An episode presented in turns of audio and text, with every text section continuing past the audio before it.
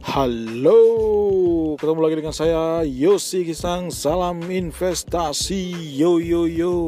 Oke, kali ini topik kita akan membahas tentang sedikit strategi dalam membeli saham yang mungkin sering dikampanyekan oleh rekan-rekan dari Bursa Efek Indonesia di banyak event yang disebut dengan Yuk Nabung Saham.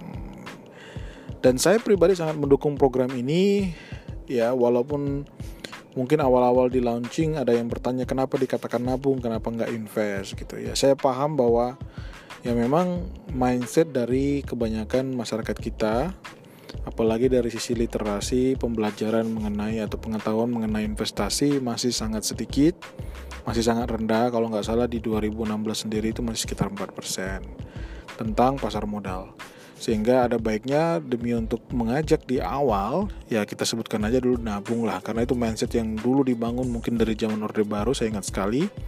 Pada waktu saya eh, SD gitu ya kita ada program nabung gitu ya. Intinya tujuannya baik bahwa kita menyisihkan eh, sebagian dari uang saku kita. Kalau kita udah berpenghasilan menyisihkan sebagian dari penghasilan kita untuk masa depan ya kecil-kecil sedikit-sedikit lama-lama menjadi bukit.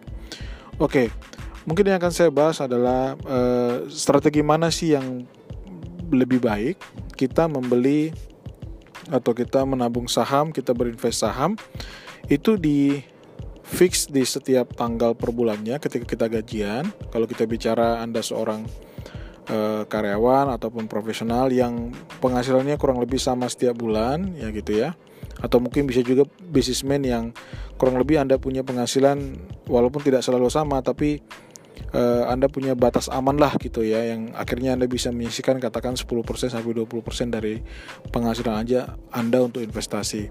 Nah, mana yang paling bagus?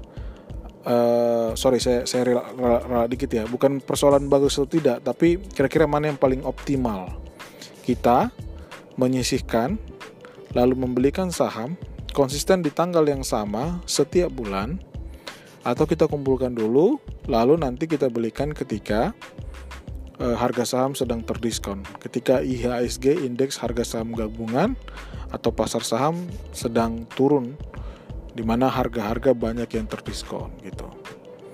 Oke, jadi uh, studi ataupun uh, analisa tentang ini sudah banyak dilakukan. Anda bisa searching di Google juga banyak baik itu orang-orang yang uh, berkecimpung di pasar modal, baik itu di profesional profesional di bidang keuangan maupun praktisi saham uh, seperti pengalaman saya, saya juga pernah mencoba untuk uh, membandingkan. Jadi kira-kira dalam uh, 5 sampai 10 tahun terakhir di saham tertentu waktu itu saya ingat saya coba di saham uh, Indofood kalau saya nggak salah uh, Indofood dan saham uh, satu lagi saya coba di saham Bank BRI. Jadi kalau kita beli misalkan uh, begitu kita gajian tanggal katakanlah tanggal 25 tiap bulannya langsung kita beli tanggal 26 besoknya konsisten ya misalkan kita sisihkan katakanlah simpelnya satu juta setiap bulan setiap tanggal 26 tiap bulannya apakah hasilnya lebih optimal dibandingkan dengan kita uh, pisahkan dulu. Jadi kita tetap transfer ke rekening investasi kita di sekuritas, uh, tapi kita nggak langsung beli. Jadi kita kumpulkan dulu nanti ketika ISG turun, ketika saham banyak terdiskon baru kita beli. Nah hasilnya itu terus terang jauh lebih baik kalau kita melakukan approach uh, membeli saham ketika ISG sedang turun. Jadi maksudnya seperti ini tetap di di ketika Anda gajian misalkan eh, tanggal 25, tetap tanggal 26 Anda transfer ke rekening investasi saham tapi di di hold dulu jangan langsung dibelikan eh, saham yang mau kita beli gitu. Katakan yang tadi saham Indofood atau saham BRI. Jadi transfer aja dulu. Nah, nanti ketika itu kan Anda bisa monitor ya, baik itu eh, mingguan misalkan ya, gampang lah mungkin Kalaupun itu pun harian Anda monitor dalam artian pas sore hari atau mungkin malam hari selesai Anda kerja boleh Anda lihat IHSG. Kalau udah merah itu sudah turun banyak gitu ya ketika orang mulai panik. Nah di situlah timing untuk membelinya. Simpelnya begitu, simpelnya begitu. Kalau memang Anda belum paham tentang valuasi saham, apalagi lebih bagus lagi kalau Anda paham tentang valuasi saham, Anda tahu kapan harga di pasar itu lebih rendah daripada nilai atau value dari uh, saham perusahaan tersebut gitu. Jadi saran saya Hmm, kalau memang Anda mau bersabar, mendapatkan hasil yang lebih optimal, lebih baik setelah Anda gajian tetap ditransfer, disisihkan, either dia 10%, 20%, 30% dari penghasilan Anda, ditransfer ke rekening investasi saham, tapi jangan dibelikan dulu. Lihat situasi pasar, Anda bersabar, jangan langsung pengen beli.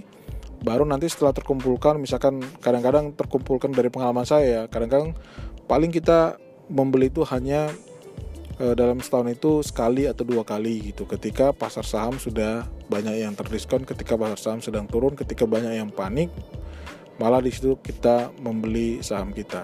Dan inilah yang selalu disampaikan oleh Warren Buffett e, investor saham legendaris di mana kita harus tamak ketika yang lain takut atau kita harus takut ketika yang lain tamak itu poinnya adalah bahwa sebaiknya kita membeli saham ketika saham tersebut sedang uh, terdiskon atau murah padahal fundamentalnya bagus um, dan menjual atau melakukan rebalancing portofolio ketika orang-orang sangat percaya diri membeli padahal harga saham sudah sangat tinggi dibandingkan nilainya atau value-nya gitu.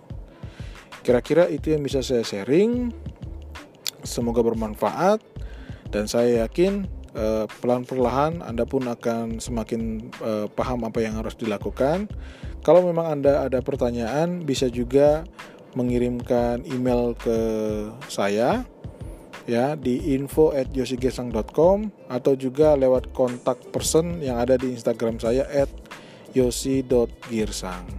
Terima kasih sudah mendengarkan podcast saya. Salam investasi Yosi Girsang.